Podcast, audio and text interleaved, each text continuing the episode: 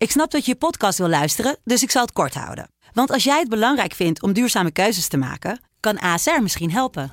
Nou hoor ik je denken, hoe dan? Nou, bijvoorbeeld bij het duurzaam herstellen van schade. Of de premies die we beleggen volgens ons duurzaam beleggingsbeleid. Dat bepaalt waar we wel en juist niet in investeren. Wil je meer weten over welke duurzame keuzes ASR maakt? Ga dan naar asr.nl slash duurzame keuzes. ASR doet het. Zo, dan kan je nu lekker naar je podcast luisteren. Studio Socrates wordt mede mogelijk gemaakt door Unibed.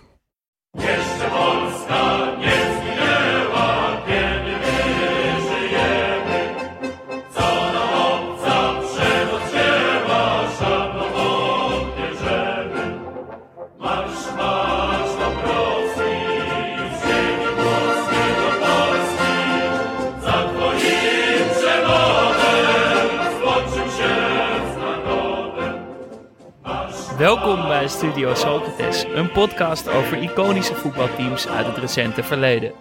Teams die je van voetbal lieten houden, met deze keer Tsjechië in 2004. En welkom in deel 2, waarin we het dan ook echt over Tsjechië in 2004 gaan hebben.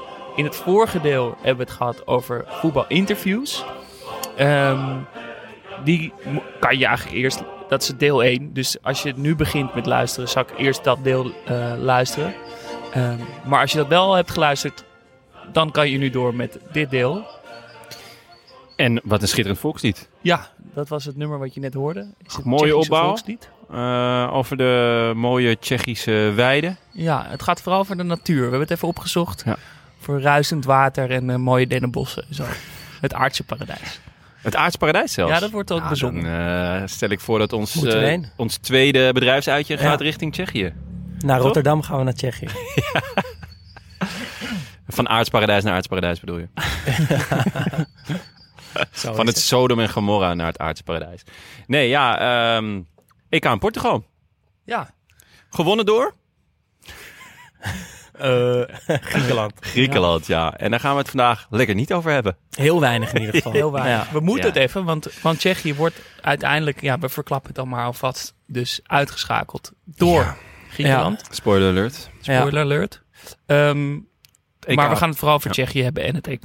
En wat hebben we over het EK te vertellen, Jonne? Nou ja, ehm, niet zo eh, heel veel, behalve dus dat het in Portugal was. En bij mij gaat dan gelijk eh, een aantal eh, vakjes gaan open. Ik zie, het eerste zie ik dat heel vette stadion eh, met die rotsmuur. Van Braga. Ja, dat is gewoon echt, als ik aan het eh, EK daar denk, dan denk ik aan dat. En dat als je een bal echt lekker overschoot, dat die dan al op zo'n rots kwam. Ja, Ja. super vet. Kan me eigenlijk geen enkel stadion heugen waar iets soortgelijks, ook, of wat er ook maar een beetje op lijkt, eh, eh, is. Werd trouwens niet genoemd toen we de- onszelf de vraag vroegen wat het mooiste voetbalstadion is. Is, Ah, dat is niet, wel is raar. niet ingezonden. Nee, helemaal eigenlijk. Nee, volgens Wow, mij helemaal Dat is niet. teleurstellend van ons luisteren. Maar sowieso zit Ah, er wij hebben het best, ook niet gezegd. eh, is mij opgevallen, zit er bij onze luisteraars een enorm eh, blinde vlek eh, wat betreft Portugal. Want eigenlijk eh, de naam Cristiano Ronaldo is denk ik nog niet gevallen in deze podcast. Klopt. Hoeveelste terecht. aflevering zitten we? En terecht? Ja, En je bent een hater ook echt? Nee, geen hater. Maar ik, ik vind het nou niet iemand eh, die ik meteen link aan onze podcast. Aan mooi, sierlijk, beetje nostalgie.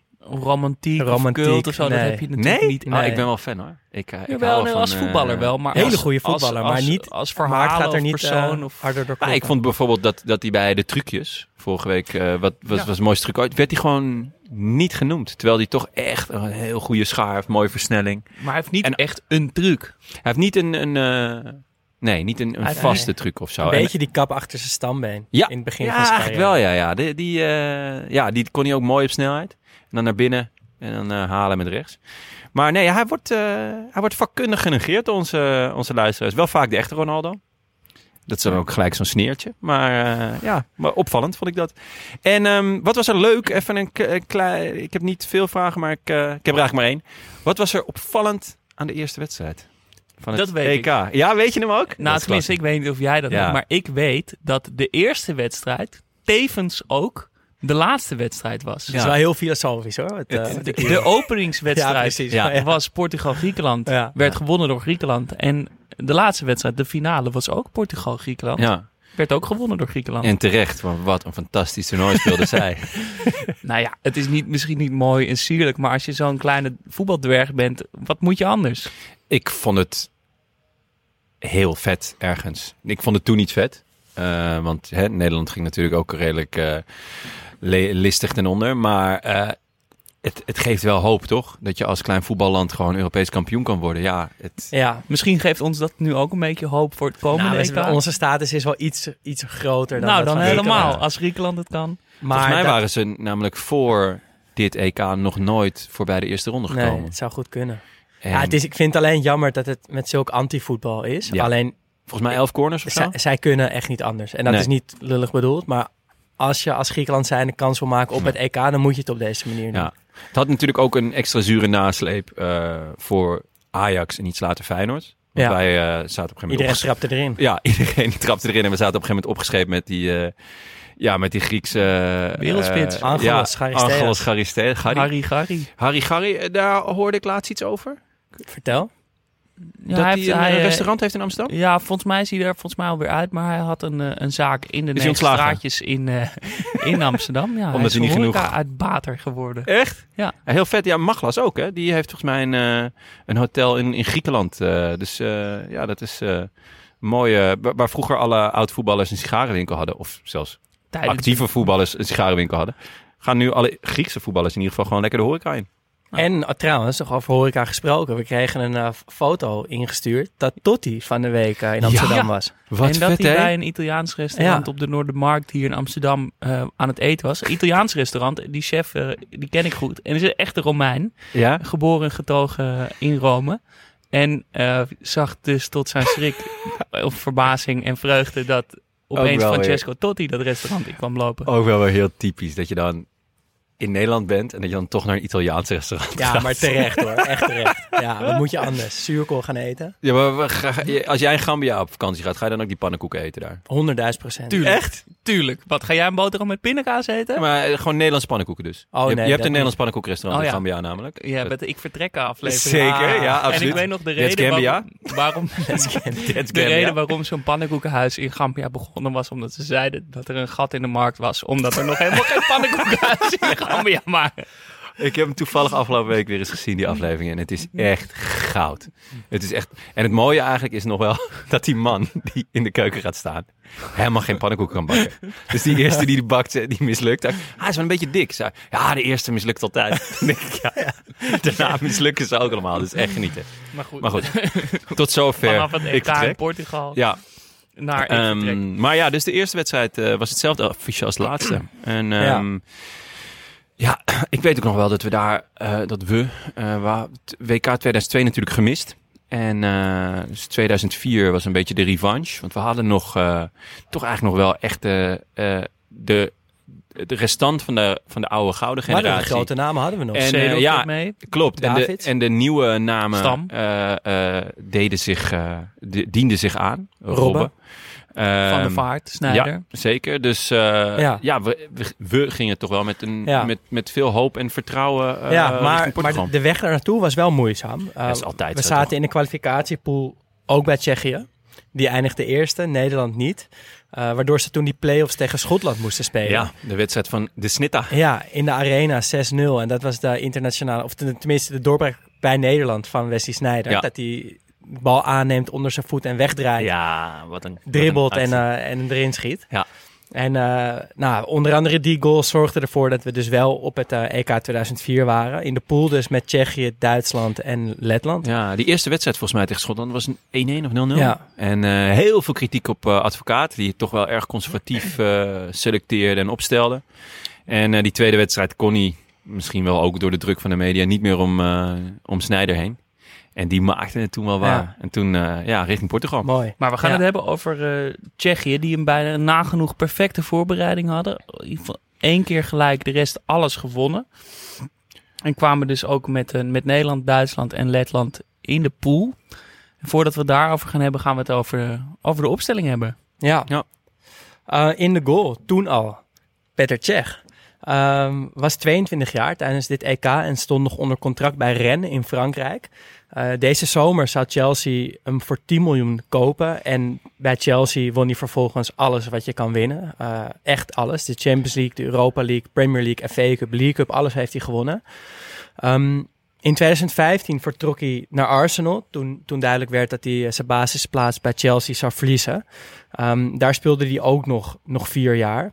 En ik zat een beetje bij mezelf na te gaan van... Ja, jij was geen fan? Nee, ik was denk ik niet zo'n fan van Jeff. Oh, ik vond hem wel echt bizar Ja? goed. Ja, ja, hij was echt heel compleet. Hij maakte eigenlijk nooit fouten. Dat kwam echt wel pas bij Arsenal. Wat dan ook wel weer typisch was. Ehm, maar nee, ja... eh, Misschien ook wel in combinatie natuurlijk met die laatste linie van, van Chelsea. En het, eh, toch ook wel verdedigende spel onder Mourinho. Maar voor eh, Chelsea als club, als eh, opkomende topclub, toch een beetje nouveau riche, was hij echt extreem belangrijk. Ja, Ik ja vond maar hem heel goed. zijn statistieken eh, onderstrepen dat ook. Meeste clean sheets in één seizoen bij Chelsea, 24 keer. Eh, meeste clean sheets ooit in de Premier League historie, 202. Vier keer de beste keeper van de Premier League, drie keer de beste keeper van de Champions League. En ook dit toernooi werd hij uitgeroepen tot de beste keeper. Eh, maar toch beklijven mij niet een beeld van een wereldkeeper. Maar als je dit- niet? Ja, ik weet Wat, het niet. eh, Ik, ik denk dat misschien door zijn uitstraling. Gewoon geen persoonlijkheid. Nee, geen persoonlijkheid. Misschien Maar de jij bent ook. juist een voorvechter van het feit dat we die persoonlijkheid en die uitstraling een beetje aan de kant Klopt, moeten schuiven. ja. En moeten kijken puur naar iemands kwaliteit. Ja, maar als ik dus deze statistieken eh, kijk en als ik gewoon kritisch terugkijk naar hoe vaak heb ik hem nou wedstrijden lang zien keepen, dan is dat ook niet zo heel veel. Dus het zou heel goed Ja. kunnen dat ik dit inderdaad puur baseer op, op, op die paar keer dat, dat je hem onder de lat ziet staan. Dat je denkt, nou, maar straalt een, een, saaie, uit. een saaie keeper is, is misschien ook wel de beste keeper. toch? Ja, Eigenlijk wel. ja. Ja, en kijk, dat is een van mijn stokpaardjes. Als gewaardeerde collega's zich lovend over jou uitspreken, dan dat neem ik altijd heel serieus. En Buffon heeft dat Ja. dus ook gedaan. Uh, die noemde Tsjech de beste keeper uh, va- va- van zijn tijd. Uh, maar hij, hij leidde dat wel op een leuke manier in. Hij zei, de beste keeper met zijn voeten is, en dan wil ik graag dat jullie uh, dat gaan invullen. Wie is volgens uh, Buffon de beste keeper met zijn voeten? Van de Sar. Neuer? Hij, hij kwam met Pepe Reina. Oké. De beste keeper in de lucht? André Onana. Eh Poel. Peter Cech? Ja, dan zou ik voor Tsjech gaan. Neuer. Neuer. Oké. De beste keeper met zijn handen. En ik denk dat hij het dan heeft over Ja. reflexvermogen op Ja. de lijn. Poel. Bartes? ja, daar moest ik ook aan denken, maar dat vind ik echt Casillas. Casillas, ja. Ja, ja. En dan en hij eindigde die zin met... Maar de beste keeper overall is Peter Cech. Ah. Maar Ja. misschien, kon, ja, denk je, heb je daarom ook niet een soort beeld bij Tsjech? Gewoon omdat hij zo allround is, toch? Ja, dat hij nergens in uitblinkte. Ja. Of, zo. Maar, Ja, ja, Of juist overal. Ja, ik wou net zeggen. Dat kan natuurlijk twee kanten op. Maar natuurlijk ook vooral beroemd geworden vanwege dat rugby-hoedje wat hij Ja. op had. Na een, eh, na een overtreding in de, in de Premier League. Eh, gebeurde in 2006 tegen Reading. In de eerste minuut. Het lijkt eigenlijk heel onschuldig. Hunt die, komt, die loopt door en die lijkt hem nauwelijks te raken. Maar had dus een eh, schedelbasisfractuur. Stond wel weer op ook. Wilde nog doorvoetballen. Werd toch gewisseld. Ja, gelukkig maar. Heeft nog meegetraind die week. En Wow, is echt? toen toch maar eh, geopereerd. En is maar drie maanden aan de kant geweest. Ja, ik weet niet precies wat een schedelbasisfractuur inhoudt. Ja, Is- ik, is ik dat- kwam er ook niet. Ik heb het een beetje geprobeerd op te zoeken. Maar ja, ik heb gewoon een, een, een deuk in je schedel. Ah. Waar heb je dat in, de, in je binas of zo heb je opgezocht? Zo, ik moest heel veel denken. Ik ook. Leuk hè, om af en toe Ehm. aan te denken, de binas. Nee. Dan gaat er echt zo'n heel vakje open waarvan je dacht, oh, daar hoef ik nooit meer aan te denken. Ik dacht echt dat ik dit vergeten was. Dat dit niet meer bestond in mijn leven. Een vriend van me, die heeft hem gewoon nog liggen thuis. Zijn binas. Die leest er af en toe Ja, af en toe gewoon even kijken. bij, op het nachtkastje. maar goed, daar, ja, dat is toch wel wat, het meeste Ja. misschien te binnen schiet. Ja, maar Ja. Dus, dus ongelooflijk belangrijk voor, eh, voor Tsjechië, voor Chelsea. Later Ehm, nog een vette carrière move gemaakt, hè? Ja, ijshockeykeeper. ja. ja. nou ja, kijk, als je een goal van 7 meter kan verdedigen, Ja. toch? Dan kan je ook een goal verdedigen. Het soort van als hij die ijshockey move maakt met je knie Ja. zo naar binnen en je armen zo wijd, dan kan die bal er letterlijk gewoon niet meer in. Nee.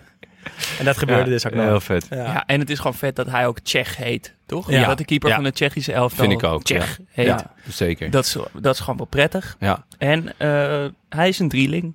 Dat wist ik ook niet. Een drieling. Ja, hij Dus er zijn meerdere Pettertjes. en een tweelingbroertje. Alleen is het tragisch verhaal dat zijn tweeling, zijn drielingbroertje bedoel ik, op tweejarige leeftijd is overleden. Wow. Maar goed, Ik heb ook eh, gelijk medelijden terzijde. met die moeder. Want Tsjech zal niet de kleinste geweest zijn toen hij eruit kwam. En die andere twee zullen ook niet klein zijn geweest, Een drieling. Ja, Ja. dat- een tweeling zou ik dus voor mezelf ooit heel leuk vinden. Maar Ja. een drieling gaat wel ver hoor. Zo. Ja. Ja. Goed, we gaan, Gaan we door. Ja, op rechtsback. Eh Stenia Grigera. Ehm oud Ajaxiet. Daarna nog voor Juventus en Fulham gespeeld. En ik moet heel erg denken aan, aan ja, gewoon degelijkheid op, op Copa Mundials. Dat is het Ja. beeld wat ik van Grigera heb. En volgens mij is dat het beeld wat iedereen van Grigera heeft. Ja. Hoeven wat mij betreft niet, niet heel lang bij stil te staan. Een beetje een, een stille, maar gewaardeerde kracht overal waar hij gevoetbald heeft. Wel chill om hem als eh, voorstopper of rechtsback te Ja, hebben. zeker, zeker. Ehm, met in het centrum Martin Jiranek. Eh, dat, dat zei mij niks als eigenlijk enige speler in deze hele selectie. Verdediger eh, bij Regina en Spartak Moskou eh, ten tijde van, eh, nou ja, van zijn gloriedagen. Bij beide clubs wat langer gespeeld en eh, ja, that's it. Naast hem in het centrum Thomas Oifalusi. Ja, dat is toch Die wel... kennen we wel allemaal. Ja, Ja, dat, ja, dat schoot wel meteen naar binnen met die grote zwarte haarband en dat haar Ja. zo vlak, zo strak naar beneden. Ja, in Tsjechië is dat volgens mij nog steeds in. En terecht. En als bijnaam UFO. Nou, Ja, is ook leuk. Ook vette naam. Ja. Ehm, Die vraag komt er trouwens echt aan hoor, binnenkort. Wat de mooiste bijnaam Ja. is. Ja, Ja. daar raken Ja, we niet over uitgesproken. Want ook dit team heeft weer geweldige bijnamen. Ehm, speelde bij Sigma Olomouc. Of zoiets. Ik weet, misschien weet jij beter hoe je dat uitspreekt, eh, Jonne. Olumuk. Eh, lang bij HSV, lang bij Fiorentina. En toen ook nog At- Atletico Madrid en Galatasaray. Echt een mooie carrière. Ook tot het all-time beste team van Fiorentina gekozen door de fans. En eh, heeft nu ook, net als, eh, eh, als, eh, Maglas. En eh Maglas. als, als, als zijn Griekse collega's, een hotelletje in Italië. Nou, wat heerlijk. Ik zie En nog een, eh, teamuitje een teamuitje. Eh, ik, ik zat een beetje onderzoek naar hem te doen en ik kwam. Er was, is weinig over hem te vinden. Hij leidt een beetje een teruggetrokken leven, maar. Luxury Prague Live. Daar zit jij gewoon Een, op. een Tsjechische website over het luxe leven in Praag, zoals de titel al doet vermoeden. heeft een interview met hem. En hoe het met hem gaat. En dat is een vrij saai interview. Dat kabbelt een beetje door. En op een gegeven moment gaat het over dat hij een knappe dochter heeft. En een knappe vriendin. Gaat het veel over vrouwen. Wat ja, wordt een beetje Pas bij die luxe levensstijl natuurlijk. Jawel, maar het gaat een beetje over ja, en hoe kan het dat alle voetballers zoveel mooie vrouwen hebben? En het neemt een beetje een wending. En dan op een gegeven moment vraagt de interviewer: Do you have a gun license? Your daughter is beautiful and when she grows up, puntje, puntje, puntje. Wauw. En hoe oud is die dochter? Want dit is natuurlijk een heel dubieuze vraag. 17 of zo. Ah, en dan ja. zegt hij: she Ja. will be a beautiful woman, but I do not have one yet and I do still have some time. Maar wat ge- Ik ben al blij dat je, begon- je begon met 7 en toen kwam gelukkig nog 17. Maar ik dacht dat als het 7 was, was het helemaal echt zo. Oké, Maar- gasten. Ja, Ja, ik denk ehm, niet dat hij in het lijstje mooiste voetbalinterview ooit komt, maar Nee. echt een Nee, bizar interview. Ik zit wel nu te denken aan een abonnementje op Luxury Park Live. Nou ja, en een gun license. en een gun license. Toch? Ja, je Ja, hebt een dochter. je hebt nog wat tijd. ik heb nog wat tijd. Ja. We gaan door op, eh, Eh. op linksback Marek Jankulovski. Ehm, linksback, linkshalf, linksbuiten kon, kon de hele linkerflank bestrijken. En ik herinner hem vooral vanwege eh, AC Milan en de witte kiksen die hij altijd droeg. Ja. En hij was echt wel een, eh, een gerespecteerde speler bij Milan. Hij, hij was bijvoorbeeld basisspeler in het jaar 2007, toen Milan de Champions League won. Eh, werd dat jaar ook uitgeroepen tot Tsjechisch speler van het jaar. Terwijl we, ja, we weten allemaal wat voor een concurrent die daarvoor had. Daar komen we zo ook op. Ehm, verder ook in Italië nog bij Napoli en Udinese gespeeld. Maar bij AC Milan, dat, dat is toch de club waar we hem van kennen, Ja. toch? Ja, zeker. En dit is wel zo'n speler die ehm, eigenlijk een beetje de kracht weergeeft van dit team. Want eh, veel eh, nou, wat kleinere landen hebben dan altijd wel twee of drie echt goede spelers. Eh, maar dan, weet je wel, dan de, de links en de rechtsback zijn dan wel, gaat wel echt hard achteruit. Ja. En als je dan gewoon hem en Grigera had, die dan eh, ja, toch gewoon eh, bij Ajax speelde of bij AC Milan en daar ook gewoon basis stond. Ja, dan heb je ineens echt een wereldteam. Waar, waarmee je dus gewoon echt kans maakt op, eh, op de titel. Als je dus, want we gaan nu naar het middenveld. Ja, dat is gewoon om je vingers bij af te likken. Het middenveld is echt, eh, nou, gewoon echt wereldklasse. Ja, Het begint misschien nog met de minste van, van de broeders Thomas Galasek, oud Ajaxiet.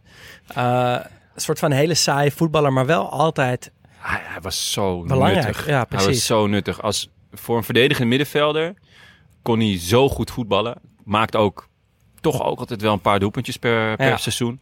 Eh, goed schot, goede paas. Eh, je zag hem nooit, maar dat betekende... Dat was eigenlijk dat hij een goede wedstrijd speelde. Want dan pakte hij gewoon heel veel ballen af en leverde ze in zonder, ja, zonder te klagen. Het was echt, bij Ajax was hij zo belangrijk. En ook eh Bruckner, de coach van de Tsjechische elftal, die heeft ook gezegd dat eh Galasek toch ook wel de speel was van dit eh, elftal. Dat ze door hem zo konden voetballen. Zoals ze voetbalden, namelijk super aanvallend. Ja, want ze speelden echt super aanvallend. En dat, ja, dat gaat zich vanaf nu echt tonen, die, dat aanvallende eh, karakter van dit team. Want voor Galastek stond een, een drietal aanvallende creatieve middenvelders. eh, waarvan de eerste Karol Paborski is. Ehm, een ervaren rot toen, 32 jaar. Die lange blonde haren, die, eh, die echt eh, boekdelen spreken. en ja, ook een mooie carrière gehad. Bij Manchester United gespeeld, bij Benfica gespeeld, bij Lazio gespeeld. En in zijn eigen land nog bij Sparta Praag en Slavia Praag. Wat een beetje ehm treurig voor hem was, was hij tekende bij Menu in 96, net op het moment dat die gouden generatie van Menu doorbrak. Zo ook David Beckham. En dat zorgde ervoor dat hij daar weinig eh, aan spelen toe kwam. Maar toch was Sir Alex en eigenlijk ook iedereen die eh, over hem hoort praten, over zijn tijd bij Menu, heel positief over hem. Ehm, zijn bekendste EK-moment vond plaats op het EK 96, toen Tsjechië overigens de finale haalde. Ja, dat, Eh, weet, dat vergeten we toch een ja. beetje. Maar dit is eigenlijk een beetje de, de heropleving van die Precies. generatie. Of eigenlijk de doorstart daarvan. Ja. En hij maakt op dat toernooi de Poborski-lop. Ehm, hij, hij rommelt zich door de verdediging van, eh, van Portugal met eigenlijk heel veel geluk. Maar dan komt hij oog in oog te staan met Vitor Baia, keeper van, eh, van Porto, die we uitgebreid besproken hebben in de aflevering over Porto. En hij lopt de bal over hem heen. Maar dat is niet een soort van chip of lop hoe je hem verwacht. Het is echt zo'n hoe je gewoon als kleinkind de lop leert. Ja, ja Dus gewoon je- recht omhoog. Ja, maar echt met zo'n boogbeweging. Dus Ja. dat hij recht omhoog gaat en dan zo nou, gewoon naar beneden valt. Ja. En die lop lijkt gewoon tot de hemel te reiken. En, en valt opeens het, het, het doel in. Ja. En heel mooi wel. En eigenlijk ook heel logisch. Ik, ik weet dat Bergkamp een keer over eh, Lops gezegd heeft van... Voor mij is het heel logisch om die manier van afwerken te kiezen. Want tussen eh, de keeper en soort van het- de hemel zit gewoon oneindig veel ruimte. Dus als je hem daar kan krijgen en zorgt dat hij snel genoeg daalt, dan is het altijd een goal. Ja, ja. En dat, dat Heel is logisch. Heel logisch, maar wel heel moeilijk om Maar uit je te moet het voeren. wel maar kunnen, ja, ja. Eh, die kon het. En je ziet hem ook in, in- op DDK schittert hij ook wel echt tussen die sterren. Ja. In, die, in de eerste wedstrijd tegen Letland draait hij twee verdedigers op de achterlijn echt helemaal zoek. En ook op een hele speciale manier dat die eigenlijk de verkeerde kant op kapt en daardoor helemaal Ja, vrij komt. heel een intuïtief. Een beetje moeilijk om uit te leggen, maar eigenlijk precies het tegenovergestelde wat je verwacht, dat doet hij dan eigenlijk. En daar valt dan ook de gelijkmaker uit. Ja. Echt eh, misschien toch wel een ondergewaardeerde voetballer. Ja, ja, en dus iemand die, die lang op eh, topniveau heeft gespeeld. Ja. Dat vind ik ook altijd mooi, als iemand dat eh, lang eh, vol weet te houden. Ehm, bij de volgende was dat ja, een wat lastiger verhaal. Ja. Thomas Rosicki. En het Ja. eerste wat ik dacht, een echte Arsenal-speler. Ja. En toen zet ik daarachter de zin van, is dat nou positief of negatief? ja, voor mij is dat altijd positief. Ja? Ik vind het, ja. Maar inmiddels niet meer, want Arsenal heeft echt... Heeft eigenlijk bijna geen typische Arsenal-spelers meer, vind ik. Ze zijn allemaal gewoon te nep. Maar Rosicki had die enorme belofte. eh, want hij kwam... ehm, hij maakte net wel, net niet deel uit, denk ik, van, van de Invincibles. Ik denk net niet eigenlijk. Nee. Dus hij kwam net iets daarna, maar Arsenal was toen gewoon wereldtop. En hij was the next big thing. Eh, je weet ook gewoon als Wenger heel veel vertrouwen in je heeft, dan weet je in ieder geval dat het een vette speler is. Maar hij was zo ontzettend eh blessuregevoelig. Ik, ik heb dat niet vaak, eh, jullie hebben heel vaak de, pro, de PES-referentie. maar ik ging dus bij PES altijd met Arsenal. En als Rosicki in vorm was, gewoon op links buiten zetten, naar binnen trekken en schieten, dan zat hij. En eh, ik vond hem echt zo'n vet speler, maar hij was echt vaak geblesseerd. Ja, En ja, bij, eh, wat, eh, hij kwam van Dortmund, geloof Dortmund, ik. ja. En daar was hij echt heel goed. Ook weinig geblesseerd trouwens. En toen bij Arsenal ging het toch gewoon wel heel vaak mis. En als bijnaam Little Mozart. Ook Echt een hele mooie ja. bijnaam, Ja. ja. Die, En- die komt hoog in het rijtje. Hij, hij is begonnen zoals eh, heel veel Tsjechische spelers bij Sparta Praag in eigen land. En toen hij 21 was, kost, kocht Dortmund hem voor 25 miljoen euro. Wat toen een record in de Bundesliga was. Dus dat geeft wel aan wat voor een belofte hij was toen de Ja. tijd. In zijn eerste jaar won Dortmund ook gelijk het kampioenschap. En reikte ze tot de, halve, tot de finale van de UEFA Cup, waar nou ja, Feyenoord won. Ja.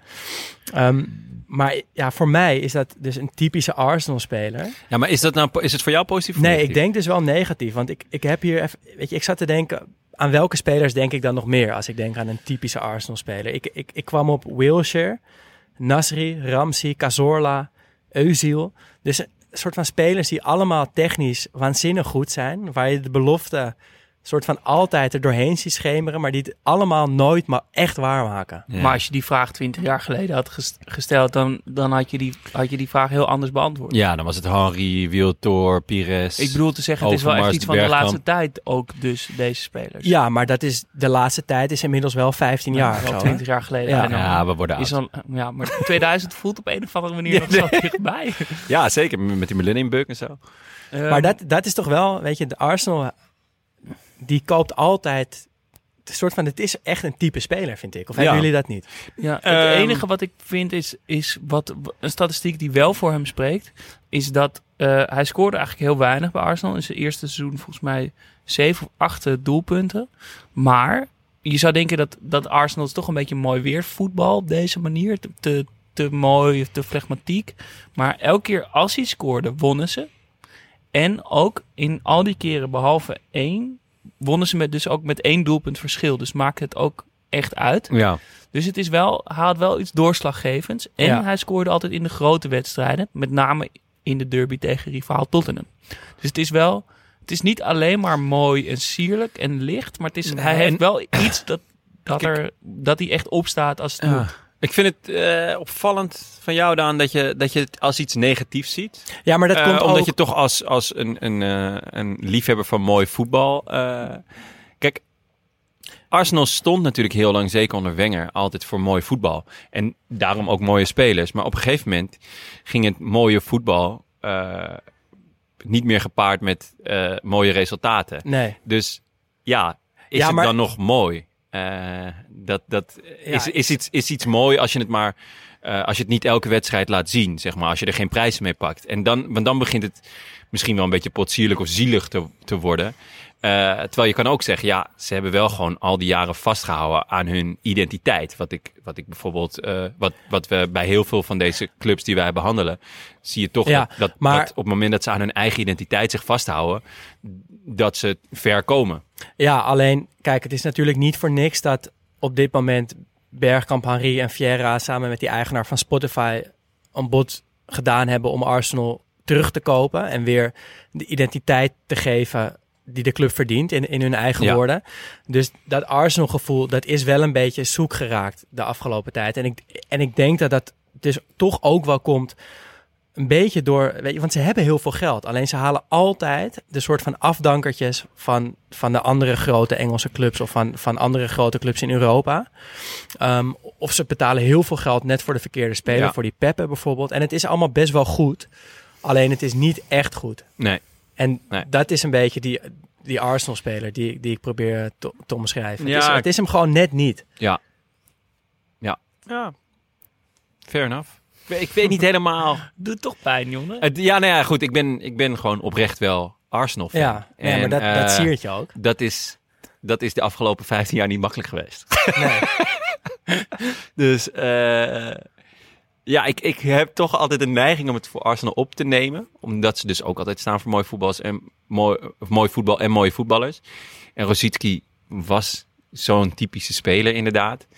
Eh, maar ja, ik vind het ook zo droevig dat je dan realistisch moet zijn. of Nee, zo. nee, nee, je Of moet het- het- je moet toch het- juist blijven dromen. Ja, maar het kan gewoon Ja, samen gaan. met, met Ja. goed beleid. Ja, maar het, het is bijvoorbeeld een club die nooit meer uitgeeft dan ze aan inkomsten hebben. Dus dat vind ik bijvoorbeeld al heel bijzonder. Bayern doet dat ook niet. Ze hebben geen schulden. Nee. En eh, dat, dat heeft ook te maken met beleid. Eh, en ik ben het niet eens met de eigenaar. En ik vind ook heel vet dat dat bod nu is gedaan door deze drie spelers. En dan die, die eigenaar eh, van Spotify. Maar ja, ik, ik hoop dan wel dat ze, dat ze daarmee wat meer het karakter terugkrijgen. Want dat ben ik wel verloren de afgelopen jaren. Ja, Eigenlijk sinds Wenger weg is. ja, Maar ja, onder Wenger ging het ook bagger. ja. Nee, maar s- d- het zit er nog wel. Een soort van, er Ja. is nog een heel klein gedeelte van die club wat, wat nog dat, dat gevoel heeft van Ja. de gloriedagen. En ik denk ook wel dat het weer terug gaat komen. Nou ja. Jawel, en ik denk ook dat je, je kan er ook op teren, denk ik, op een bepaalde manier. Namelijk dat spelers dus ook voor je kiezen, omdat je dat Ja. verleden hebt. Maar Ja. dat, dat kijk, je dat- zo kan zeggen van ja, maar je hoort wel dan op. ik bedoel, We doen het misschien nu niet zo goed, maar. ja, maar Ja, er zit wel natuurlijk wel een houdbaarheidsdatum aan. Ja. Tuurlijk, tuurlijk. Maar En die is voor mijn gevoel in zicht. Dus daarom Zo. zou dat overname zou echt het Ja, perfecte plan Dat zou zijn. heel vet zijn. Maar goed, we dwalen af naar Arsenal. Ja, we, moeten, we gaan terug naar de Ja. grote ster van, van de Tsjechische elftal. Namelijk Pavel Nedved. Ja, dat is, daar, daar draait het om toch? Dat is eigenlijk niks meer over te zeggen. degene waar, waar, ja, Ja. waar die me meteen te binnen schoot. Ook. Zeker ook tegen al die wedstrijden tegen Nederland. Ik heb het gevoel dat we altijd tegen Tsjechië moesten op een Ja, of andere dat manier. idee Dat was ik ook. in En dat tijd hij echt we moesten altijd tegen was. Tsjechië en ze waren altijd echt rammend goed. Ik weet nog, maar dat is volgens mij eerder. Ik kan me niet meer herinneren welke, welke toernooi. Maar dat hij ook zijn arm breekt halverwege de wedstrijd. En met gips op toch weer terugkomt. En ik denk, Jezus man, we hadden je eindelijk te pakken. En eindelijk ja, kom je weer. Soort- Zo'n soort speler Ja. is toch alleen maar blijven gaan. Ja. Blijven. Er is een coach, maar ik kwam niet meer achter wie die ook had gezegd dat hij in zijn slaap nog steeds aan het rennen was. Gewoon alleen maar arbeid, arbeid, arbeid. Gewoon rennen, rennen, Ja. rennen. Maar gecombineerd wel echt met goed voetbal ook. Zeker. Want hij En, speelde een eh, beetje ja, hangend op links, toch? Een soort Ja. van. Als je een Ja. 4-2-3-1 voor ogen hebt, dan... Ja. En dan misschien ietsje meer teruggetrokken dan, dan dat. Ehm, maar hij, hij bleef inderdaad maar gaan. En het was een opvallende verschijning natuurlijk met die lange blonde lokken. Had best wel een hoog rendement qua, qua goals en assist. En het was ook wel echt een leider. Ja, ik weet nog dat, eh, dat is volgens mij een... eh, ik weet het niet helemaal met 100% zekerheid meer te zeggen, maar dat hij met Juve om het kampioenschap speelde. En dat, eh, dat hij voorgesteld had om de laatste vijf weken intern te gaan, gewoon om op trainingskamp te gaan. Voor, want Ja. ze moesten nog vijf wedstrijden. En, en, dat, en dat is in Italië wel een stuk normaler om gewoon voor een wedstrijd eh, op hotel te gaan, of weet ik veel wat. En hij had gewoon gezegd van ja, maar als we kunnen toch ook gewoon vijf weken lang op trainingskamp gewoon eh, intern gaan Hij alleen heeft maar trainen. alles voor over. Ja, en dat de rest, dat zelfs de trainers zijn nou, vind ik wel heel extreem. Hij zei ook zelf: I don't think I am that great technically. My game is simple. There are no secrets to it. I just work and more work. Ja. Ja, maar ik vind, dan toch, ik vind eigenlijk dat hij zichzelf hier iets te kort doet. Ja, Want Ja. hij was echt goed, hè? Want in 2003 won hij eh, de Gouden Bal. Europees voetballer van het jaar voor, voor Henri en Maldini. Ehm, en daar waren wel meer goede Europese spelers die toen eh, op de velden eh, schitterden. Dus hij, hij, was, hij was echt goed. En ook in het team van 96, wat we net al even aanhaalden, wat de finale haalde van het EK, daar was hij ook al belangrijk. Ehm, hij speelde natuurlijk in het fantastische elftal van Lazio. Werd ook landskampioen in Italië daarmee. Eh, vertrok daarna naar Juve om Zidane op te volgen. Nou, dat zijn ook niet de, de, de kleinste Het zijn schoenen. geen kleine vullen. schoenen, nee. En Maar het dat lukte heeft- hem wel. Ja, hij heeft het ook met verven gedaan. ja, en ook lang. En toen, hij, toen in 2006 het hele schandaal was en Juve werd teruggezet naar de Serie B, was hij 34. En werd verwacht, nou dan zal Netvet wel zijn carrière ergens rustig afbouwen of, eh, of met pensioen gaan. Eh, maar hij bleef. Hij werd een van die vier samurai die bleven bij, eh, bij Juve. Eh, daar hadden we het vorige week al over met Trezeguet onder andere. En Del Ja. Piero en Buffon. Speelde zelfs nog drie jaar bij eh, Juve. En eh, hielp ze dus weer eh erbovenop. En nu in het bestuur, hè? En nu in het bestuur, ja. Ja. Ja, vicevoorzitter geloof ik. Ja. Zij was een van die ratten achter de Super League. Ja. maar dat is, dat is wel echt het beeld wat blijft plakken. Iemand die altijd nog door blijft gaan. Ja. Ja. Want als iedereen kapot is of als... Je komt gewoon nooit van hem af. Hij blijft maar ja, En- als, als een bezeten over Ja. het veld gaan. En ik kan me die goal nog herinneren eh, als Juve-speler in de arena. Weten jullie die nog? Mm. Ajax speelde in de Champions League tegen, eh, tegen Juve. En hij volleert hem van in, volgens mij wel in de 16, eh, zo, zo het kruis in. Maar die staat me even niet nee, voor ogen. nou, dat Nee. is ook echt een echt technisch een hele mooie goal. Ja, Eh, waarschijnlijk maar had ik daar toen net geen oog voor. nee, dan zie je gewoon bier te drinken op de tribune. Ja, gewoon te balen. Ja. Goal. Nee, maar echt, echt een Ja. hele goede speler. En ik kwam nog één quote tegen die nog wel mooi is om te zeggen. Is dat... He is the man who has, bro- who has been brought on to replace Netvet. The irreplaceable Netvet. Ja, soort van hij, hij vervangt zichzelf Ja. halverwege de wedstrijd. Want Ja, er, ja, er zit manier, gewoon ja. geen, geen stop op. Vet. mooi. Dan nog een andere icoon van dit elftal. Werd al aangehaald in de intro. Ja, Milan Milan Baros. Ik, eh, dat, dat is wel grappig. J- jullie dachten gelijk aan Netvet. Ik dacht eigenlijk gelijk aan Baros. Ik, ik moet, ik, dat was eigenlijk wel ook de eerste. En dat komt denk ik omdat eh, we het natuurlijk gewoon over Tsjechië hebben. En niet over Juve bijvoorbeeld. Eh, en Netvet was gewoon een, een complete topvoetballer inderdaad. Die gewoon ook wereldvoetballer van het jaar werd en dergelijke. En Barros, dat was zo raar. Die was eigenlijk vooral goed bij Tsjechië.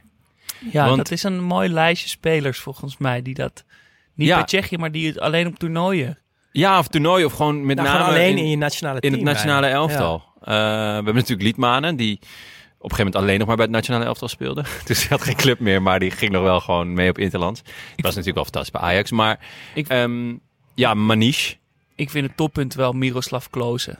Ja. Klose, Toch? ja. Ik zou dit ook wel het Miroslav Klose effect willen noemen. Iemand die bij clubs goed is, maar niet echt in de schijnwerpers nooit echt waar weet te maken, maar dan bij zijn nationale team Ja, de allerbeste is. ja nou ja, dat, dat, dat was hij. Eh, ik zei het al iets. eh, Ja, volgens nee, mij- 93 Interlands, 41 goals. Ja, dat is echt dat is gewoon 1 op 2. sick. Want hij was niet per se een pure spits.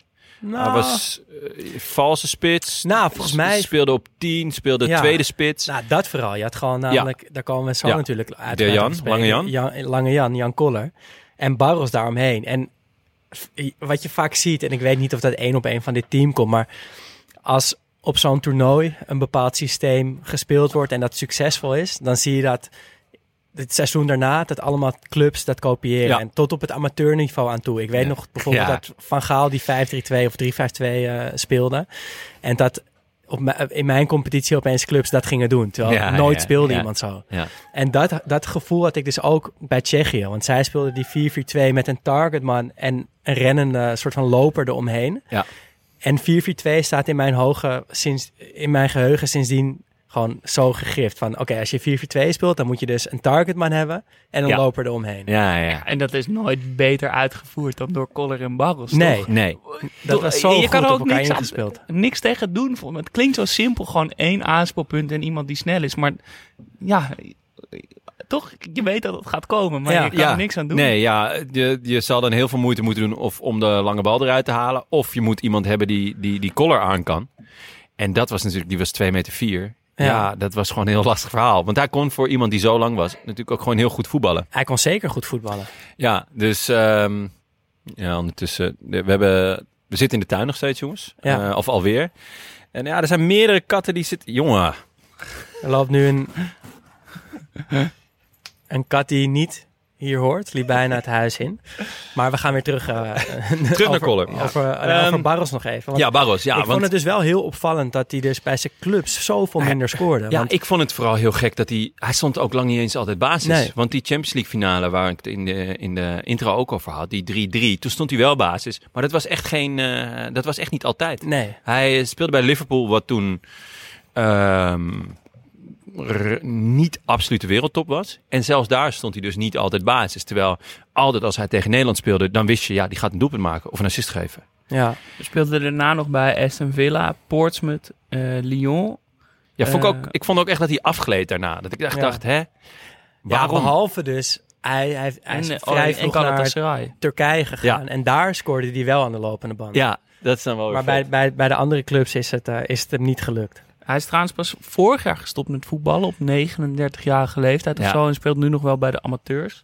Ja, het, eh, het hoofd wou nog wel, maar het lijf niet meer. Ja. Mooi. En eh, nog, nog een record wat hij heeft gezet, wat toch wel leuk is om, om eh, te benoemen, is dat hij ooit, toen hij bij Lyon speelde, ehm, met een Ferrari F430, ik zie het niet helemaal voor, maar met een snelheid van 271 km per uur. Het snelheidsrecord uit de regio heeft neergezet in, van de regio Lyon. Werd aangehouden, raakte ze rijbewijs kwijt. Want het was meer dan twee keer de toegestane snelheid. En eh, moest met de taxi terug naar Lyon. Heel en dat vet. record staat nog steeds. dus Die kan niet in zijn zak steken. als je een auto hebt die meer dan 271 km per uur gaat, Vet. Gewoon all-time Maak een keer een topscorer rondje in, eh, en Lyon. all-time eh, recordhouder in de regio Lyon. Vet. Eh, trouwens, bijnaam de Ostra van Maradona. Ja, ik, dat- wa- of daar dat- was ik het echt niet mee eens. om heel Nee, eerlijk niet te vergelijken met Maradona. Nee, echt bij Oh, lange nee. na niet. Nee. Moet toch even gezegd. Want Daarvoor de heeft hij veel te weinig volgende, kook gebruikt. Die Jan, Jan Koller, die had wel mooie bijnamen. Dino. Dat vind ik echt een hele goede bijnaam. Ja, vooral omdat het zo'n soort oermens, toch? Een soort Ja. oerkracht met grote stampende passen. Ah, ik heb afgelopen week, mm, ja, toch eigenlijk tegen wil en dank weer op Veronica vrijwel alle afleveringen van Jurassic Park zitten kijken. Collar niet gezien. Niet, wel, er zaten een paar, ja, een paar rare wezens in, maar Collar niet, eh, niet gespot. En eh, ook de Czech Destroyer. Ja, het, het- ja, past ook wel. Ja, ik vond Lange Dino- Jan heel vet. Dino en Lange Jan. Dino Ja. en Lange Jan, ja. Maar Koller eh, scoorde ook heel veel bij Tsjechië. 55 goals in 91 interlands, dus nog wat meer dan Barros. Alleen het grote verschil is eigenlijk dat Koller op clubniveau ook veel scoorde. Ja, Wel bij iets mindere clubs, tenminste in het begin. Hij, hij begon bij Lokeren. Eh, toen ging hij naar Anderlecht, allebei in België. Hij werd hier twee keer kampioen en won ook de gouden schoen. En vervolgens eh, ging hij naar Dortmund, waar hij ook aan de lopende band goals maakte. Daar speelde hij natuurlijk onder andere met Rosicki in die eh verloren finale tegen Feyenoord, UEFA Cup. En wat nog wel een mooi verhaal is over Koller. Eh, ze speelden ooit eh, in de Bundesliga tegen Bayern München. Koller had in de achtste minuut een doelpunt gemaakt. Eh, ondertussen stond eh, Dortmund eh, na een uur later of zo, geloof ik, 3-2 achter. En Dortmund al gewisseld. Leeman, keeper van Dortmund, krijgt zijn tweede gele kaart en moet het veld verlaten. Dus een veldspeler moest op goal. Nou ja, Lange Jan, natuurlijk. Dat is logisch. Ja, die kan. Die, Maar hij bood zichzelf ook aan. ja, hè? ja? maar hij schijnt een goede keeper te Ja, zijn. hij heeft in de jeugd, uiteraard als elke lange jongen, Ja. werd hij op goal gezet. gedwongen. Dus Ja. hij heeft een paar jaar eh, toch dat gevoel van in het goal staan gehad. Ja, en, En- hij maakte het waar. Ja, Want hij, ja, hij haalde een paar onmogelijke ballen eruit. En dat resulteerde in het feit dat hij werd uitgeroepen door Dirk Kieker tot keeper van de week. dus hij stond gewoon in het elftal van de week als keeper. Wauw. En dan zeggen ze dat Duitsers geen humor hebben. Ja, dit is toch Heel genieten. vet. Ja, leuk. Ehm, na Dortmund, om het verhaal even compleet te maken, speelde hij nog bij Monaco. Dat was eh, nou, niet echt een succes. En daarna terug in Duitsland eh, bij Nürnberg. Werd in de geruchten, in het geruchtencircuit ook heel vaak aan Ajax gelinkt. Maar dat kan ook een Michael Dingsdagje zijn geweest. Die over tijd geruchten Ja. over zichzelf verspreidde dat hij aan Ajax werd gelinkt. Ja, en dat kwam gewoon omdat het een linksbenige centrale verdediger was met een mooie trap, toch? Gewoon, dat ja dat, dat had hij zelf ook, ver- dat gerucht had Ja. hij zelf ook verspreid. Er wordt trouwens nu een documentaire over eh Koller gemaakt. Dus binnenkort weten we nog eh, veel meer. Oh. Een over lange documentaire? Sorry, ik Twee kon- uur, kon vier ik niet. minuten. Ehm, Even kort de wissels. Vladimir Smitser kwam er, kwam er vaak in. En is natuurlijk vooral eh, staat hij bekend vanwege het feit dat hij voor Liverpool speelde. En ook een goal maakte in die Champions League finale tegen Milan. Eh Placiel. Ik moest meteen denken aan AS Monaco. ja. Ja. En eh, Marek Heinz. Dat, dat zei me eigenlijk niks meer. Maar toen ik al die wedstrijden terugkeek, eh, zag ik dat hij toch wel een belangrijke rol speelde. Ja, veel dacht- gespeeld. Ik dacht dat het die linksback van eh, PSV was, maar dat bleek gewoon een Nee. Deen te zijn. Ja, Gabriel Heinze. Oh, nee, dat is weer een andere. Jan Heinze. Jan En Heijns. Gabriel Ja, is Jan is Argentijn. volgens mij... Ja. die, eh, Nou, dat is die back. Ja, en die heeft het, volgens mij de meeste kampioenschap voor PSV Ja. ooit eh binnengehengeld. Heel Dan vervelende de coach, Bruckner. Die eh, met, die, eh, met die lange grijze haren. Zijn bijnaam is Klekkie Petra. is een figuur uit een oud Tsjechisch boek of film. Ik kwam er niet helemaal achter. Maar als je, als je Klekkie Petra intypt op Google afbeeldingen, dan kom je dus bij, bij foto's van een of andere oude film. En ik moet zeggen, hij lijkt er wel echt op. Oké, ja, vet. Dus Klekkie Petra, een hele onopvallende carrière van hele kleine Tsjechische clubs. Ik ga ze niet opnoemen, want het zegt ons echt helemaal niks. Maar werd na toch een enorme lijst eh, bondscoach. En wist echt zijn stempel op dit elftal te drukken. Eh, met ontzettend veel aanvallend voetbal. Heel Ja. veel wisselingen. Gedurfde wissels. Ook tactisch in de eerste helft al mensen wisselen. Bijvoorbeeld in die eerste wedstrijd tegen Letland. Beginnen ze met 4-2-2. Of 4-4-2, sorry. Komen ze achter. En dan wisselt die Grigera, dus die back, voor Heinz, een spits. En daarna eh Galasek, de verdedigende middenvelder, voor Smitser. En dan spelen ze dus achtereenvolgens in een 4-4-2, in een 4-4-3 en dan nog 3-4-2-1 opstelling. En weten ze die wedstrijd dus ook om te draaien. Ja, vet. En ook eh, in die wedstrijd tegen Nederland, waarin Nederland eerst 2-0 voorkomt en dan wordt het 2-1. En dan had hij ook... Toen eh, wisselde die Robben voor Bosveld, toch? Ja, precies. Dat, Dat was echt een goede wissel van Bruckner.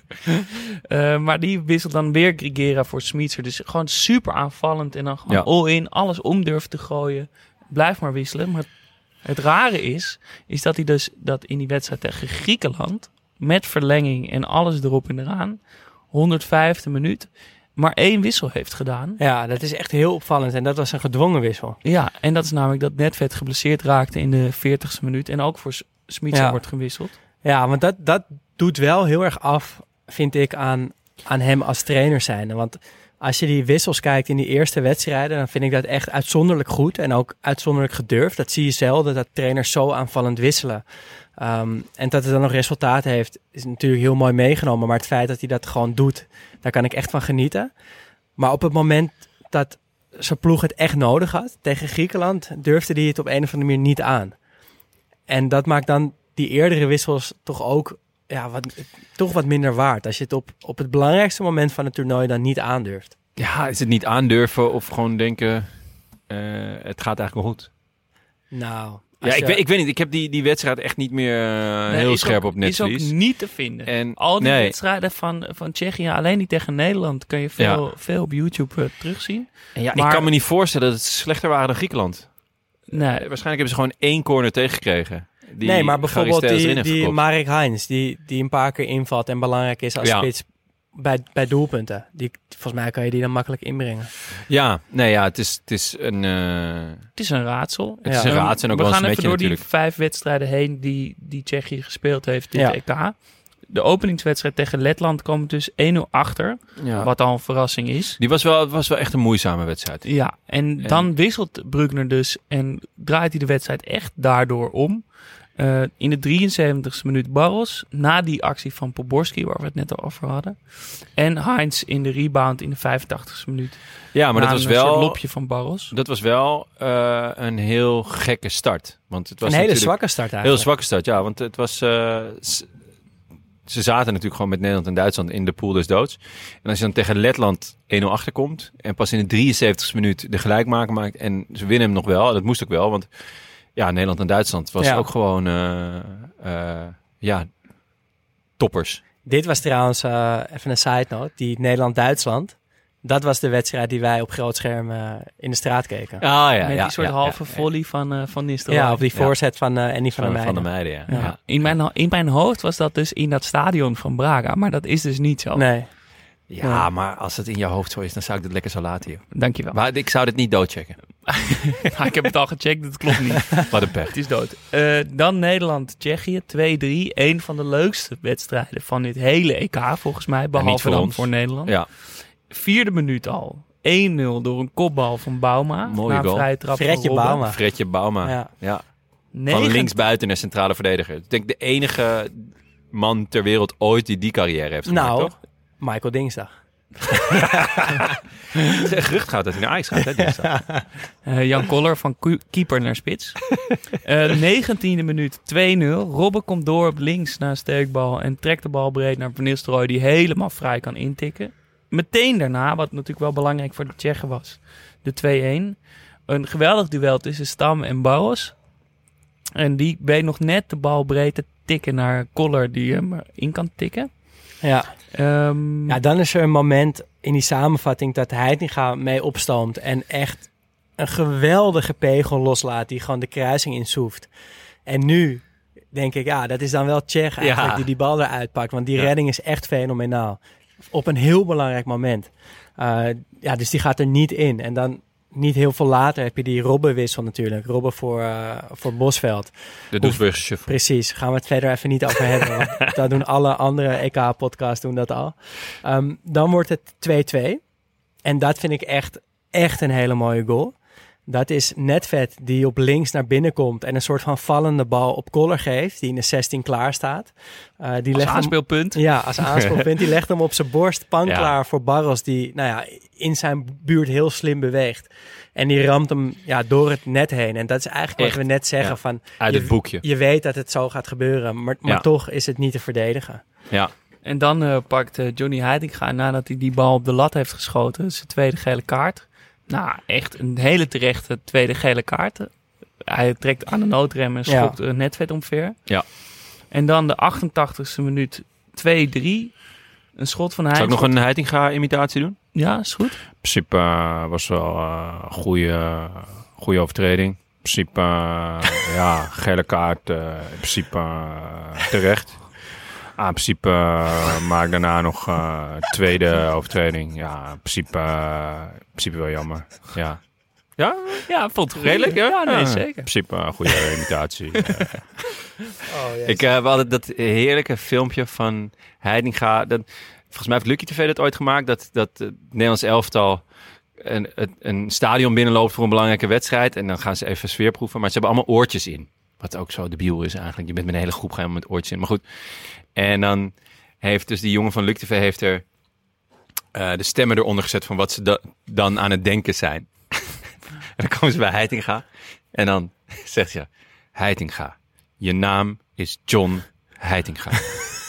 Blijf ademen. Doe je best. Het is echt in principe uh, heel goed, heel goed item. Ik, ik maar dat weet ook een fragment uit die documentaire van, van, niet daar horen ze engelen zingen, maar die, over de Ajax jeugd. En Ja. dan vertelt die jeugdtrainer over ja, we moeten altijd tegen, tegen wat oudere clubs, tegen oudere spelers. En eh, die zijn natuurlijk allemaal groter en sterker, dus iedereen moet een beetje slimmer worden. Maar ons enige wapen daarop is Johnny Heitinga. en dan zie je dus allemaal hele kleine jongetjes en Johnny Heitinga met een kop groter en die blik in zijn ogen ertussen en die ramt dus al die aanvallers In principe uh, gewoon goede tactiek. Maar goed, eh, en, eh, in de 88e minuut zonder Johnny Heitinga op het veld wordt een schot van Heinz gepakt door eh, Van de Sar. En die rebound wordt nog heel mooi breed gelegd. En eh Smitser scoort. Tsjechië door na twee overwinningen. Ja, en wat dan wel heel, uh, heel leuk is eigenlijk, of opvallend, is dat Nederland heeft dus een overwinning van Tsjechië nodig om door te gaan naar de volgende ronde.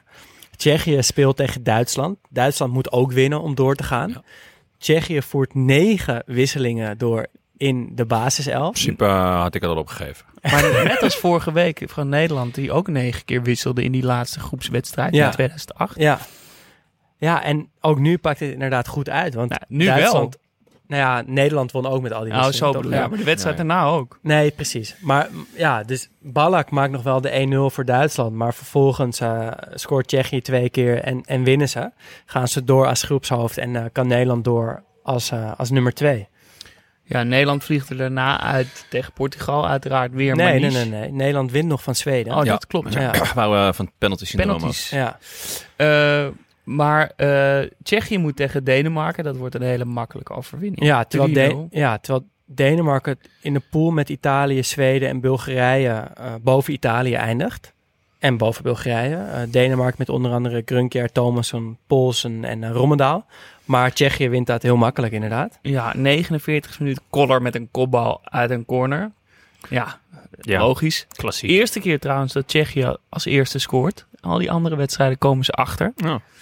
Eh, zegt ook wel iets over de mentaliteit. Ja, zeker. En, en het wisselen van, eh, van de coach.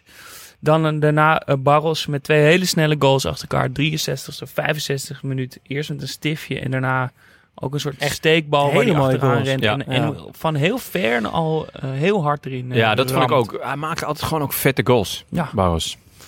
En dan dus die eh, verschrikkelijke wedstrijd tegen Griekenland, die alles met 0-1 wisten te winnen. En dus ook deze wedstrijd. En ook een van de weinige wedstrijden volgens mij, die wordt beslist met een silver goal. Nou, Ja. we, we hebben in het de blessuretijd van Ja, de eerste helft Het van is de verlenging. ongelooflijk. We hebben twee weken geleden over de Golden Goal gehad. Nou, daar kon, daar kon Ja. ik me op zich nog wel in vinden. Dat vond ik, vind ik best een leuk systeem, omdat het echt een soort van alles of niets wordt. Ja, maar, Maar, die dit, silver goal, dat ze dat ooit hebben bedacht en ook ingevoerd. En dan ook. Ik heb wel altijd het idee dat dit soort proefballonnetjes altijd op een EK of een WK worden gedaan. Was ook met de VAR. Die was ook voor het allereerst op een WK. Dat je dacht, oké, wa- waarom nu? Eh, zullen we dat niet gewoon eerst proberen, weet ik veel, in de derde klasse onderbond of zo? Ja, en het klinkt Maar- ook lekker. Stel je voor dat je hier de golden goal maakt. Ja. Dan klinkt dat toch echt top, toch? Als je Trezeguet Ja. ja, Dat is je denkt, gewoon- ja, ik ja. heb een golden Ja. goal gemaakt. Maar nu, die, die, Ja, Griek silver die, goal. die Dallas, die uit een corner de, de 1-0 scoort, die zegt, yes, ik heb de silver goal gemaakt. Nee, maar dit klinkt is toch ook een- stom? Ja. het klinkt stom en het is echt een idiote regel als je het Ja. mij vraagt. Ja, En ik ben ook blij dat dat heel snel weer is afgeschaft. En dat dit inderdaad dit, volgens mij de enige belangrijke silver goal ooit is geweest. Ehm, maar wat, ja, wat, en Jas, wat jij net al ook al zei, van Netvet valt hier dus uit in de 40ste minuut in die halve finale tegen Griekenland. Eh Bruckner vergeet te wisselen. Ja. Of, of dacht inderdaad gewoon van, nou, we zijn zoveel beter, dus ik wissel gewoon niet. Het pakt in ieder geval niet goed uit en Griekenland wint met 1-0. Ehm, finale, dus Portugal tegen Griekenland, want Portugal schakelt Nederland uit. En eh Charisteas kopt uit een corner. Dit hoef je niet te zeggen eh, hoor, dat hij uit een corner. Want alle goals Ah, komen ja. uit de corner bij Griekenland. Ja. Jij zei En het ze net werden ook. ook allemaal 1-0. En het waren ook alles allemaal... was 1-0 en alles was uit de en corner. alles was een assist van Sakorakis. Die ook speler van het toernooi Ja. werd trouwens. ja. Ja, goede corner. Ja, dus Griekenland, eh, Griekenland wint, het, eh, wint het EK 2004. Maar ja, Tsjechië, als je die halve finalisten naast elkaar zet, was verreweg het leukste elftal. Vandaar deze Ja. aflevering. Kunnen we dan ook een korte vooruitblik doen naar komend EK, met name dan Tsjechië? Nou, ik vind het wel leuk om dit in ieder geval elke keer te doen Ja. tot het EK begint. Dat we even een korte vooruitblik... eh, ja, het is al bijna. Hè? Ja, het is al bijna. En Tsjechië is er, is er ook dit keer gewoon bij. Alleen wel met, logischerwijs, een Ah. heel ander team. Ja, en andere verwachtingen ook wel, Ja, toch? hele ze hebben andere niet, ehm, niet de sterren van weleer. Nee, en ze Wie zitten- kennen we? Nou, wie we kennen, ik, ik ken toevallig Soufal en Soucek heel goed. Want ik speel eh, Fantasy Premier League. en weet ik, zowel- we zijn een keer eh, live getuige geweest van jouw wissels. Precies, en zowel Soufal als Soucek waren must-haves op een gegeven moment dit Echt? seizoen. Ja. Soucek is een, eh ze komen trouwens allebei van Slavia Praag, als ik me niet vergis, of Sparta Praag. Ehm, maar Soucek is een hele lange middenvelder. Ehm, oh, daar gaan we al. Ja, maar Linksbenig? nee, rechtsbenig, speelt een Beetje traag. verdedigend, beetje traag, maar scoort heel veel met zijn hoofd. Oh. Ehm, Heb jij wel eens gescoord met jou? Jawel, maar ik kan niet goed koppen. Nee? En Soucek kan het wel. En Soufal is een, een rechtsback. eh, heel veel opstomen, goede voorzet, best wel veel assisten gegeven. Zijn wel echt twee goede spelers. Dan heb je in de spits nog eh eh Chic van Klinkt chic. Leverkusen. Sorry, Vind ik eigenlijk ook een hele goede speler. kon het niet Ehm, laten Tsjech liggen. op goal. Ja, ja. Maar die eh, is eigenlijk het hele jaar al uit vorm bij Leverkusen. En wie me ook nog opviel was Thomas Kalas. Dat is die Ja. oud, eh, oud Vitesse-naar. tussen ja. Die toen door Chelsea werd uitgeleend. ja. aan, eh, Waar speelt hij nu? Dat, dat weet ik eerlijk gezegd niet. Nee, Nog bij Vitesse gewoon. nee Dat het niet opvalt. En ook niet bij Chelsea. nee, ergens anders. En, maar, dus die selectie is al niet heel goed. Nee, het is en niet ze zitten in de pool bij Schotland, Engeland en Kroatië. Wat Oeh. serieus wel een sterke Dat pool is wel oprecht een sterke pool, ja. Maar hoe eh, zit het met jullie EK? Vlinders, kriebels in de wijk. Is het er of niet? Nou, het begint wel te komen nu. Zeker Ja. door vorige week met Jeroen eh, Stekelenburg. Zeker, dat, dat hielp. En eh, toch ook kaliber met Benny Benham. Die zit toch al wel een paar dagen van... Ja, ik dans nog niet op de stoelen. Maar dat zou ook een beetje gek zijn. Hè? Dat ik gewoon, dat mijn vriendin niet thuis Ja, komt. Dat ik op de stoelen sta te dansen. Ehm, bovendien, tot en met zondag... Jullie weten, ik heb ook een, eh een wielerpodcast. Ja. Kan ik iedereen aanraden. De is echt- rode lantaarn. ja, echt kwaliteit. Goh. Eh, maar, eh, en tot, tot en met zondag is, eh, is de Giro, Giro d'Italia. Maar is echt goed, hè? Is echt goed, hè? Prijzen gepakt ook trouwens. Ja. Eh, ja, beste sportpodcast van Nederland. Daarom ben jij hier ook bij hoor. Puur daarom. Puur vanwege mijn naam en mijn prijzen natuurlijk. Ja. Nou ja, wat dat betreft ben ik een beetje de Rassu van de groep. Hè? Gedecoreerd, man. Nee, dus ik zit eigenlijk tot zondag zit ik helemaal in de, in de, in de Giro vibes. Ook omdat het mijn favoriete grote ronde is. En vanaf dan, eh, ja, dan trek ik mijn juichpak aan. En, Dan heb jij in je eh, Roy Donders gezet, aan. En, eh, nee, ja. Ja. dus het, het begint wel het begint langzaam te komen. Bij jou? Nou, Jij gaat nog even een week naar Spanje? Ja, maar ik moet zeggen, ik, ik eh, zat tijdens mijn eh, werkdag live die persconferentie te kijken met de boer. Dat moet je dus niet verklappen. Jawel, dat vind ik helemaal niet erg. Die, eh, die ehm, Ze luisteren toch niet? Nee, nou. nee. Eh, niet tijdens mijn werkdag. Nee, maar ik zeg. maar even, en maar even, even serieus, jongens. Want de boer maakte zijn selectie bekend. en kan je nou vier fouten of drie fouten maken bij het bekendmaken van je selectie? Ja. Gewoon ten eerste dat hij dus tijdens die persconferentie zegt dat hij alle afvallers persoonlijk gebeld heeft. Dat hij zelf nog, hij, hij wijdt uit over hoe die gesprekken waren. Ja, heel kort en eh, heel teleurgesteld. Vervolgens, ehm, vijf minuten later, maakt de zaakwaarnemer van Sint-Just bekend dat hij helemaal niet gebeld is. En dat hij via Twitter moest vernemen dat hij er niet bij zat. Ja. El Ghazi, nou, dat, weet je, dit, dit komt woensdag uit, dus het is een beetje oud nieuws. Maar El Ghazi heeft natuurlijk eh, dat filmpje Ja. met Frank Evenblij. Dat hij live in die opname ziet via een, appje, dat Ja. hij er niet bij zit. En ook op dit moment gaan selecteer je- ik je niet. Ja. Ja, wat is dat voor een lullig eromheen? Het is echt draaien? zo Alsof lullig. op een later moment Ja, nog wel... inderdaad. Van nou, misschien volgende week doe ik nog een selectie. Nee, maar het is- en dan zit je er wel het bij. is, ik vind het echt shocking. Ik vind het Ja. gewoon echt... Nou, en ook als je dus dat soort dingen zegt op zo'n persconferentie. En ook over dat de verkeerde aantal minuten van Donny van der Beek Ja. en eh, dat soort dingen. Wat dat doet met de spelersgroep. Precies. Ja, Toch? Die denken nu ook, ja, nou, eh, d- wie is deze man? nou ja. Hoe, hoeveel kan je hem nou vertrouwen? Ja, vertrouwen, ja. Het, het, het, is, het getuigt gewoon van heel weinig inlevingsvermogen. Eh, dat, maar ook gewoon heel weinig kwaliteit. Want ja, dit dat is de dit zaak niet op orde. Dit is een hele belangrijke kwaliteit als trainer. Dat je op de Iedereen, juiste manier ja. met je spelers kan communiceren. En dat Ja. kan hij gewoon niet. En Nee. met de pers. Ja. Ja, maar dat vind ik dan... Je hebt ook, weet je, Mourinho van gehaald. Ja, maar die gebruikt dat toch ook als instrument om, Dat is waar, om, ja. om een bepaald sentiment ook in die, Ja. in die spelersgroep te creëren. En het lijkt niet alsof hij daar ooit één seconde over na heeft gedacht. Oké, dus eh, we hebben nu de zaag hebben we bij ons. We beginnen langzaam aan die stoelpoten te zagen. We hebben nog twee weken voordat het EK begint. Koeman is over twee weken weer, eh, Die is weer over beschikbaar. Vlak voor het toernooi weer beschikbaar. Dus kunnen we langzaamaan richting het koetje? Nou, of zitten we toch aan Peter Bos te denken? allebei goed. en daar nog even op terugkomen van... ja, de Boer is vier keer kampioen geworden met Ajax. Best knap. Ja. Kampioen van de armoede, dat wel. Maar oké, het staat wel op zijn palmares. Ja. Maar daarna Zeg je heeft hij... Palmares? Ja, palmares. Ja, ik zeg al wel Palmares. Ja, maar, Nou, nee, maar- mij Ik heb hier geen mening over. Daarna is hij hopeloos mislukt bij Inter. Hopeloos mislukt bij Crystal Palace. En, nou, Falikant, iets anders. Maar Falikant mislukt bij eh, Orlando, geloof ik. Atlanta. Of eh, sorry, Atlanta. Atlanta. Orlando Maar is trustful. hoe kan het dan in godsnaam dat hij bondscoach wordt? Ja, Het is echt... Ik word, ja. Dus Wat ik, zou nou een transfer zijn die Orlando- plaats moet vinden? Ja, oh, Trustful naar Orlando. Dat zou ik echt wel enorm... Nee, sorry, we zaten midden in nee, je verhaal. Nee, het is, ik snap het. Maar ik eh, word hier echt boos om. En daarom zei ik dus aan het begin van de uitzending... we zijn die pool echt niet zomaar door. Dat, en dat meen ik dus oprecht. Maar- ik heb er echt weet. nul vertrouwen in. Kan jij één speler van Noord-Macedonië noemen? Ja. Goran Pandev. Kut. Eh Eén speler van Oostenrijk? Alaba. Oké. Eén speler van Oekraïne? Shevchenko. En Zinchenko.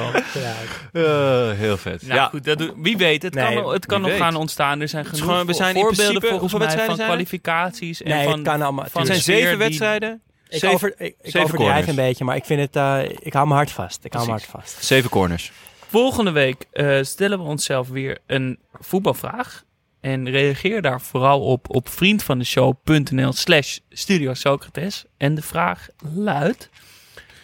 Wat is de mooiste voetbalfoto aller tijden? Ja, Een foto met een voetballer of een stadion of een wedstrijd of een... een- ja. gewoon een foto die jou persoonlijk raakt. Op, op, En het mooiste zou zijn manier. als je een foto maakt van die foto boven je bed. Als dat zo, als dat zo is. Of, maar als je hem hebt hangen, Ja. Maak er een foto van, ik heb hem al. zodat we zien Ik heb hem al in mijn hoofd. ik heb ook hoe dat eruit ziet. Ja, de- ik heb minder zwaar dan eh, vorige week. Ja, zou je in- het, ik eh, weet gelijk wat het is. Ja. Ik, ik weet er ook al eentje. Oeh, nice. Ik weet er al twee. Shit, ik ga weer te veel. Ja, je zal weer een niche en voor jezelf Er moeten komt bedenken. uiteraard weer een mooie compilatie op eh, onze Instagram van Ja. al jullie mooie ingezonde foto's. Ja. Ehm, En dus eh, waar we het eerste deel al mee afsloten, we gaan een voetbalquiz organiseren. De Over- Louis van Gaal voetbaltaal, bokaal. Precies, over voetbaltaal. Ehm, Hij niet. geef je daarvoor op? Volgens mij, niet. Ja. Maar die is wel, dat is wel echt een amateur. Zeker. eh, maar die is wel heel die lekker. is wel echt inderdaad hij niet. Vooral als, als er buitenspel werd gegeven. Ja. En dan toch volgens eigenlijk de verdedigende partij was dat, of de aanvallende partij was diegene die buitenspel werd gegeven niet. Maar die Hij ander niet. wel. Ja, heerlijk. nou goed, al dit soort uitspraken komen daarin aan bod. Je kan zeker wat winnen, namelijk een heel mooi voetbalshirt. Die gaan wij persoonlijk uitkiezen. En een bokaal. En een, de Louis van Gaal Ja. voetbaltaal bokaal. Komt dit- dan je kant op. Ja, dat is gewoon echt een bokaal, toch? Dat, Dat is wordt eh, echt een- in een, Oscar beker. of zo, Ja, toch? precies. Die eh, stel jij ter beschikking. Ja, die, ja die gaan, dat gaan we regelen. Wij gaan het presenteren vanuit het Felix Meritis in Amsterdam. Maar je kan er digitaal bij zijn. Ehm, met iedereen met wie je de wedstrijd gaat kijken. Want eh, het is een, paar, uur later. voor de wedstrijd Ja. van Ja. de eerste wedstrijd van het Nederlands elftal. 13 juni. Meld je aan via denieuweliefde.com slash agenda slash voetbaltaal. Je vindt het vanzelf wel. Het kost 5 euro om mee te doen. En wij beloven ons best te doen op alle mooie vragen. Tussendoor gaat René Appel, een taalwetenschapper, nog wat Familie van. van Karel. Ik hoop het, ja. ik, ik ga in ieder geval mijn Karel Appenvraag stellen. dat Maar die wel. zal wat meer duiding geven bij onze chaos aan vragen waarschijnlijk. Ehm, dus het zou leuk zijn om, om, eh, om jullie dan eh, te zien. Je ziet dan ons voor het eerst in real life. Dat vinden we best spannend. Want je ziet ons dan gewoon op beeld. Oh ja, dat is wel... Ja, dus we moeten onze haartjes een keer doen Oh ja, en een broek aantrekken. Ja. Eh, dankjewel Je jongens. verraadt gewoon dat we hier naakt zitten. In, in mijn tuin. Ja, mooi. Ik zeg alleen dat we Wist je dat ze achter die desk bij ESPN allemaal geen broek aan hebben? Hou op mijn woord. Ja, ik zweer het je. Gewoon helemaal geen broek. Gewoon niks. Je Purfs. ziet altijd alleen de. En ze hebben Ja. allemaal geen broek Allemaal niks. Nee. Ja, mooi.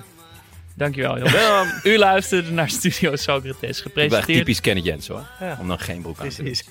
Oké, Jesse, Scheid maak aan de hem af, kijkers. maak hem af. Sorry. Nou ja, dat is goed. Als jullie nog wat te zeggen Nee, hebben, ja, nee. Gepresenteerd door Daan Sutorius, Jonne Series en mezelf, Jasper Gottlieb. Vond je het leuk? Abonneer je dan en laat een review achter, zodat we makkelijker te vinden zijn. Maar, belangrijker nog. Wil je nou dat Daan volgende week eerste klas terugvliegt? Of met een privéjet hè. Kijk, als het echt lekker gaat met die vrienden van de show. Dan, Dan ga ik iets charteren. ik wou net zeggen. En dan hoef je ook niet meer zorgen te maken over die al dan niet PCR-test die je al dan niet hebt gedaan. Waardoor Nee, je al dan niet een jaar niet meer in de Albert Heijn mag komen. Wil je dat? Word dan vriend van de show geef Daan de klasse upgrade die hij verdient. Ga naar vriendvandeshow.nl slash studio Socrates en word vriend. En heb je een vraag of een verbetering? Slide dan in onze DM op Instagram, studio laagstreepje Socrates. Of stuur een spraakbericht. Dat hebben we namelijk het liefst. Ja. Want die zenden we dan uit in de blessuretijd. Of een gewoon bericht via vriendvandeshow.nl slash studio Socrates. En die mooiste spraakberichten maken kans om in blessuretijd afgespeeld te worden.